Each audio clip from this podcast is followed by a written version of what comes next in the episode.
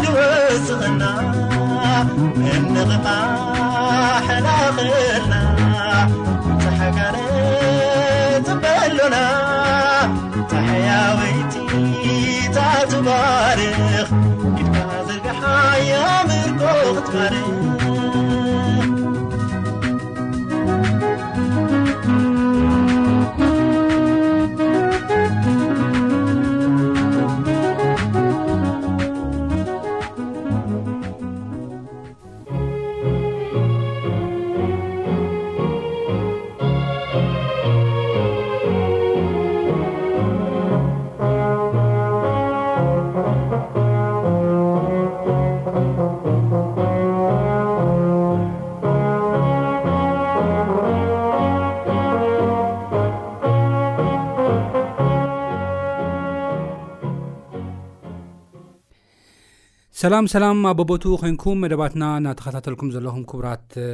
ሰማዕትና እዚ ብዓለም ለኸ ኣድቨንስ ሬድዮ እናተዳለወ ዝቐርበልኩም ኣብ ሰሙን ክልተ ግዜ እናረኣናዮ ዘለና ፀጋ ብዝብል ኣርእስቲ ኢና ናራኣና ዘለና ማለት እዩ ክሳብ ፍጻሜ መደብና ምሳና ክጽንሑ ብክብሪ ዝዕድም ኣነ ኣማን ፍሳሄ ምስ ቴክኒሻን ኢራና መልኣኩ ብምዃን እዩ እምበኣር ኣብ ናይ ሎሚ ኣርእስትና ከኣ ንሪኦ ካብ ጸጋ ምውዳቅ ብዝብል ኣርእስቲ እዩ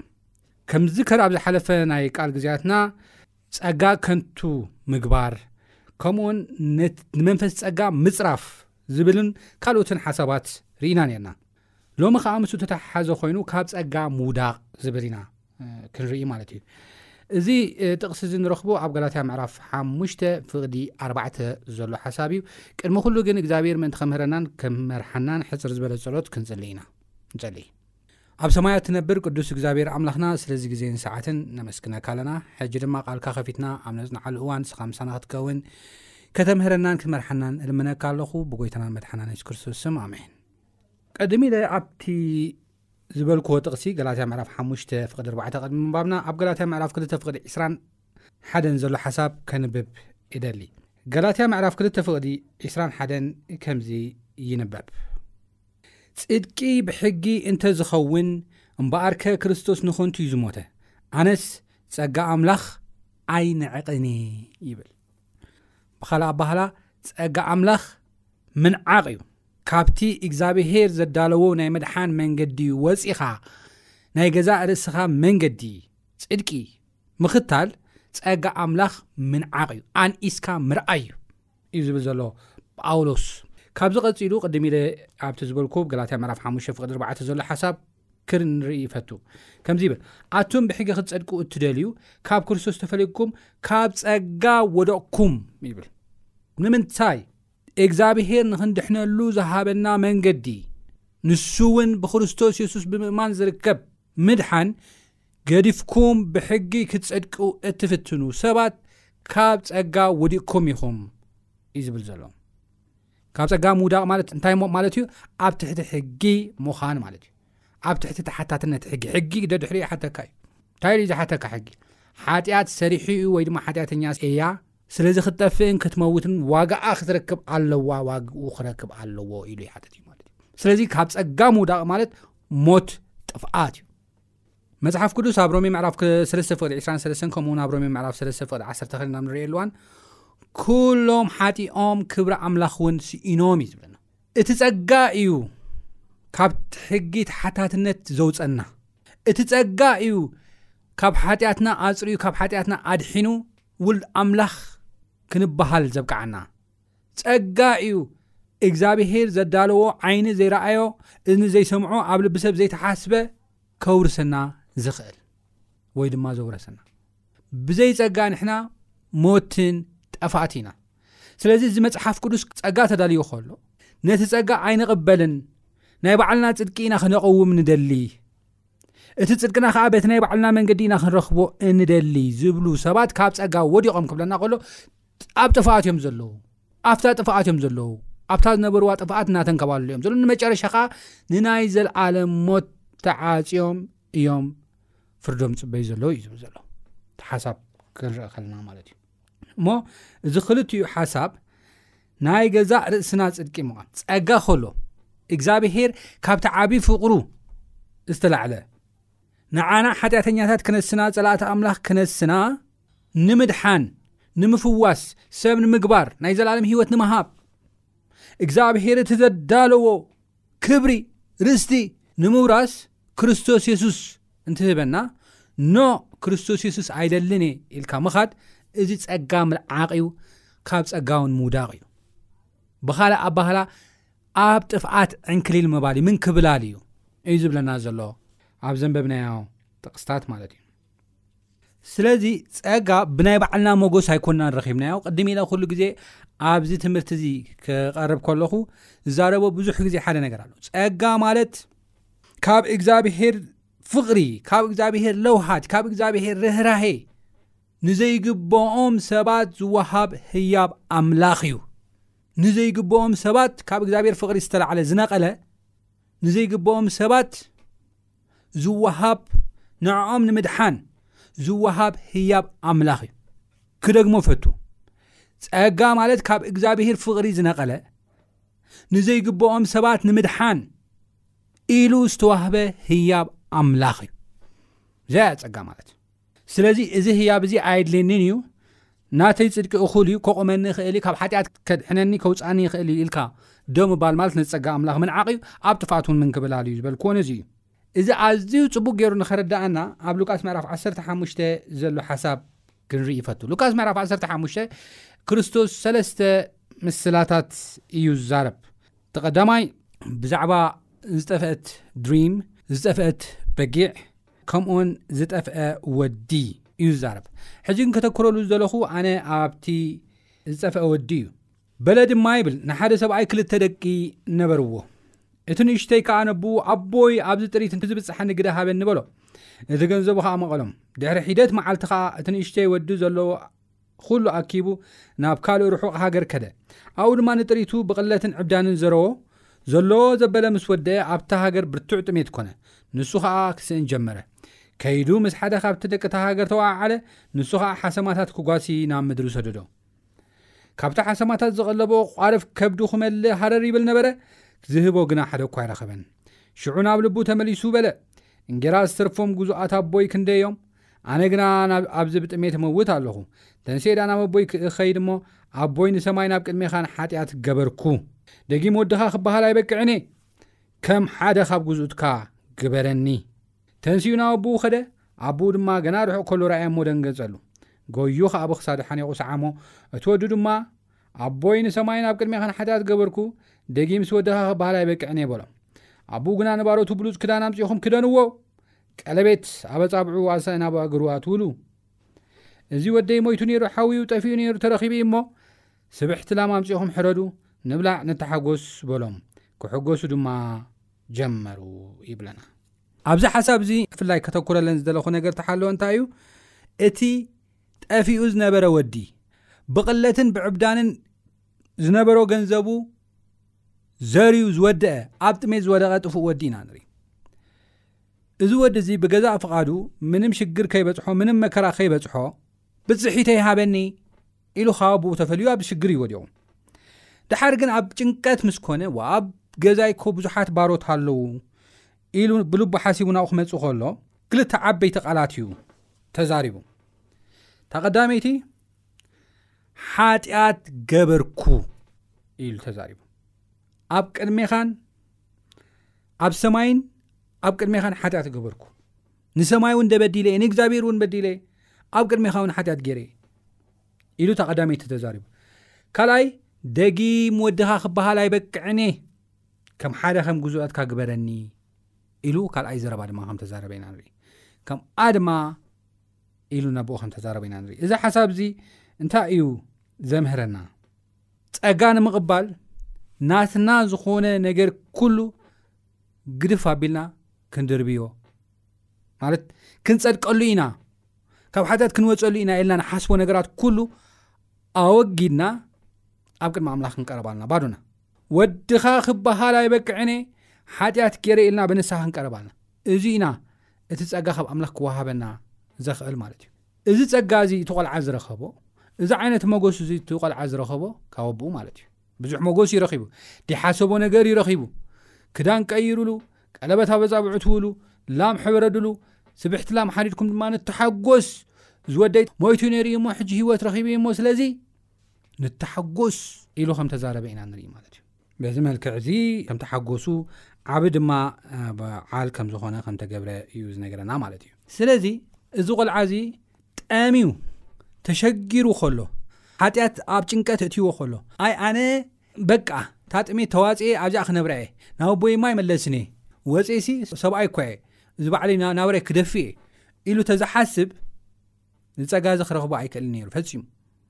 እዚ ዓይነት መጎስ እዚ ዓይነት ሓጎስ ክረክብ ኣይክእልን ነይሩ እዚ ዓይነት ውህበት ካብ ኣቦኡ ኣይቅበልኒ ነይሩ ናይዚ ኩሉ ውህበት በረኸት ተኻፋለ ክኸውን ዝኸኣለ ዋና ምክንያት ብትሕትናን ሓጢኣቱ ብምንዛዝን ናብ ኣቦኡ ብምምፅኡ እዩ ስለዚ ንሕና እውን እቲ ናትና ስራሕ እቲ ናትና ጥበብ ክድሕነና እዩ ክፍውሰና ኢልና ሒዝና ድርቕተይልና ንዓና ምንም ዘምፅኦ ወይ ዘፍርዮ ነገር የለን ማለት እዩ ስለዚ ከምቲ ቅድም ኢልና ኣብቲ መጀመርያ ሓሳብና ዘልዐልናዮ ጸጋ ምንዓቕ ወይ ድማ ካብ ጸጋ ምውዳቕ ማለት ብክልተ ኣስካላ ኣስካላ ምድያብ ማለት እዩ ሓደ ሰብ ብክልተ ኣስካላ ኣስካላ ክድይብ ኣይክእልን እዩ ኣስካላ ኣስካላ ቀሚጡ ብኡ ክወፅእ ኣይክእልን እዩ ብክልተ ኣእዋም ክወፅእ ኣይክእልን እዩ ባላንሱ ክስሕት እዩ ንሓደ ነገርሲ ናብ ላዕሊ ንምውፅዓሲ እቲ ሓደ ውን ሒዝካ እቲ ሓደ ውን ሒዝካ ዝኸውን ነገር የለን ናይ ግዲ እንታይ ክትገብር ኣለካ እቲ ሓደ ገዲፍካ ነቲ ሓደ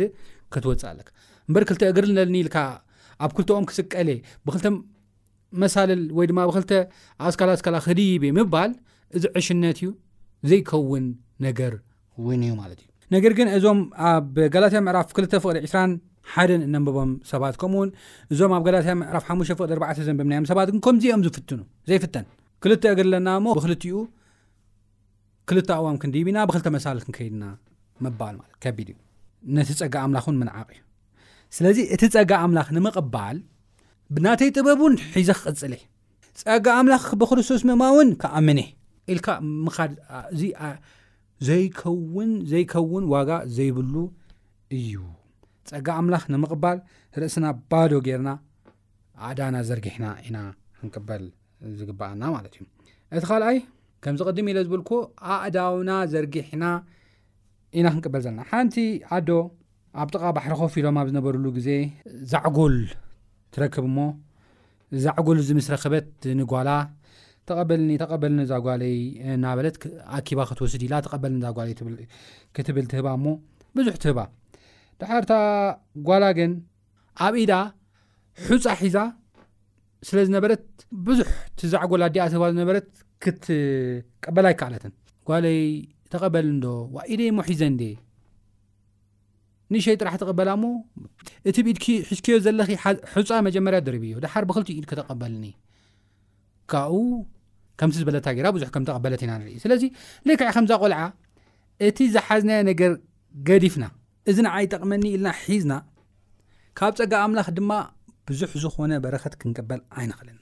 እቲ ናትና ዝኾነ ነገር ክንገድፎ ኣለና እዩ ሕጂ እውን ደጊመ ደጋጊመ ኣብዚ ነጥቢ እዚ ዝዛረቦ ማለት እዩ መጀመርያ እቲ ዝሓዝናዮ ነገር ናተይ እዩ ኢልና ንምካሓሉ እግዚኣብሄር ዘየኽብር ጸጋ ኣምላኽ ንኸይንቕበል ዕንቅፋት ዝኾነ ነገራት እንታይ ክንገብር ኣለና እሱ መጀመርያ ክንለቀ ክንክል ኣለና ኣእዳውና ዘርጊሕና ክልትኡ ናብ ኣምላኽ ከነቕርቦ ኣለና በዚ መልክዕ እዚ ካብ ኣምላኽ ዝወሃበና ዕንቁታት ውህብቶታት ክንቅበል ይግባኣና እዩ እምበር ክልተ ኣእዳው ኣለኒ ኢልና እቲ ሓደ ኢድና ካልእ ጨቢጥናሉ እቲ ሓደ እውን ካልእ ጨቢጥናሉ ካብ እግዚኣብሄር ዝወሃብ ህያብ ክንቀበሎ ኣይንኽእል ኢና ማለት ናትና ስራሕ ናትና ጥበብ እቲ ንሕና ንምከሓሉ ነገራት ብምሉኡ ኣለኒ ንብሎ ነገራት ብልብና ሒዝና ናይ ኣምላኽ ህያብ ምቕባል ከቢድ እዩ ዝኸውን። ነገሩ እንታይ ክንገብር ኣለና? እቲ ናትና እዩ ንብሎ ነገር ክንለቆ ክንከል ኣለና። መወዳእታ ኣብ ኣዝዩ ድኹም መሰረት ጠንካራ ዝኾነ ጽኑዕ ዝኾነ ነገር ከተቕምጥ ኣይትኽእልን እያ። ምክንያቱ እቲ መሰረት እንታይ እዩ? ድኹም ድኹም እዩ ኣይክእልን እዩ። ሕጂ መብዛሕትኡ ህንፃታት ክስራሕ ከሎ ከድና ክንርኢ ከለና መጀመርያ መሰረት እዩ ዝርአ መሰረት ይርአ እሞ ደሓር እዚ ይኽእል እዩ ፐላሱታት ክሳብ ዕስራ ደርቢ ክሳብ ሰላሳ ደርቢ ይኽእል እዩ ተባሂሉ ተፈትሹ እዩ ዝስራሕ እንደገና ተረኣዩ ድማ ዋ እዚ ኣይክእለን እዩ ገዛ ክስራሕ ይክእልን እዩ ውሽጡ የብሉ ን መሰረት ድኹም እዩ እናተባህለ እዩ ዝፍተሽ እዛ ሓሸዋ እዩ መሰረት ስለዚ ዘይክእል እናበሉ እዩ ዝኽእል ስለዚ ኣብ ድኹም ዝኾነ መሰረት ጠንካራ ነገር ከቢድ ነገር ፅኑዕ ነገር ከተቐምጥ ኣይክእልን እዩ ማለት እዩ ስለዚ እቲ ናትና ድኻም እቲ ናትና ጥበብ ሒዝና ኣይንለቅቕን ኢልና ጠንካራ ዝኾነ ፀጋ ኣምላኽ ኣብ ሂወትና ክንቅበል ኣይንኽእልና ሓጢኣትና ዘንፅህ ዘኽብረና ናብ ላዕሊ ናብ ሰማይ ዘደይበና ፀጋ ክንቅበል ኣይንኽእልና መጀመርያ እንታይ ክንገብር ኣለና እቲ ናትና ደካማ ዝኾነ ጥበብን ገለ መላታትና ኣብ ቅድሚ ኣምላኽ እንታይ ክንገብረሉና ግድፍ ኣቢልና ጸጋ ኣምላኽ እቲ ብክርስቶስ የሱስ ብምእማን ዝርከብ ጽድቂ ክንቅበል ኣለና ማለት እዩ ምክንያቱ ኣብቲ ናትና ደካማ ማነት ኣይንገድፎን ዝበልናዮ ገለ መለታት እዚ ብምሉኡ ሒዝና ዝግበር ነገር የለን እሞ ሎሚ እውን ገላትያ ሰባት ጥራሕ ኣይኮኑ ሎሚ እውን ብዙሓት ሰባት እቲ ብእግዚኣብሄር ዝተበርከተልና ዝተዋህበና ውህብቶ ንኸፅድቐና ንኽቅድሰና ንኸኽብረና ዝተዋህበና ውህብቶ ንዕኡ እውን ንቕበሎ ነቲ ሓደ ነቲ ናትና ናይ መርገም ጨርቂ ዝኾነ ሓጢኣትና እውን ኣይንገድፎን ኢና ማለት እዩ ከምዚ ዓይነት ሰባት ኣለና መፅሓፍ ቅዱስ ኣብ ኢሳያስ ሳ ኣርባተ እንታይ እዩ ዝብል ፅድቅኹም ናይ መርገም ጨርቂ እዩ ዝብለና በቃ ፅድቅና ናይ መርገም ጨርቂ ስለ ዝኾነ እቲ ናትና ጨርቂ እቲ ናትና ፅድቂ ክንገድፎ ክንክእል ኣለና ክንተኣማመኖ ዘለና ክንኣምኖ ዘለና ክንድገፎ ዘለና በቲ ፀጋ ኣምላኽን ፀጋ ኣምላኽን ጥራሕ እዩ ጸጋ ኣምላኽ እናሃለወ ናትካ ጽድቂ ምቛም ማለት ነቲ ጸጋ ምንዓቕ እዩ። ካብ ጸጋ ምውዳቕ እዩ። ኣብ ጸጋ ምውዳቕ ድማ ኣብ ጥፍኣት ዕንክሊል ምባል ንሞት ተፈሪዱ ካብኡ ምንባር ማለት እዩ ኣብ ሞት ምንባር ኣብ ፅላል ሞት ምንባር ማለት እዩ እሞ እዚ ክንሓስበሉ ከም ዘለና ዘመር ሓሳብ ኢና ኢሎም ማለት እዩ እምበር ዝተወሰኑ ሕቶታት ርእስና ንምርምረሉ ሕቶታት ሓቲ ትደሊ እታ ቀዳመይቲ ካብቲ ጸጋ ኣምላኽ ክወድቕ ዘኽእለኒ ነገር ኣለኒ ድዩ ህይወተይ ኢልና ክንሓስብ ክንክእል ኣለና ካብቲ ጸጋ ኣምላኽ ክወድቕ ዘኽእለኒ ነገር ኣሎ ድዩ እንተሃልዩ ኸ እንታይ ክገብር ይግብኣኒ ኢልና ርእስና ክንሓትት ይግብኣና ካልኦት ከዓ ካብ ጸጋ ከይወድቁ ብኸመይ እየ ክረድኦም ዝኽእል ኢልና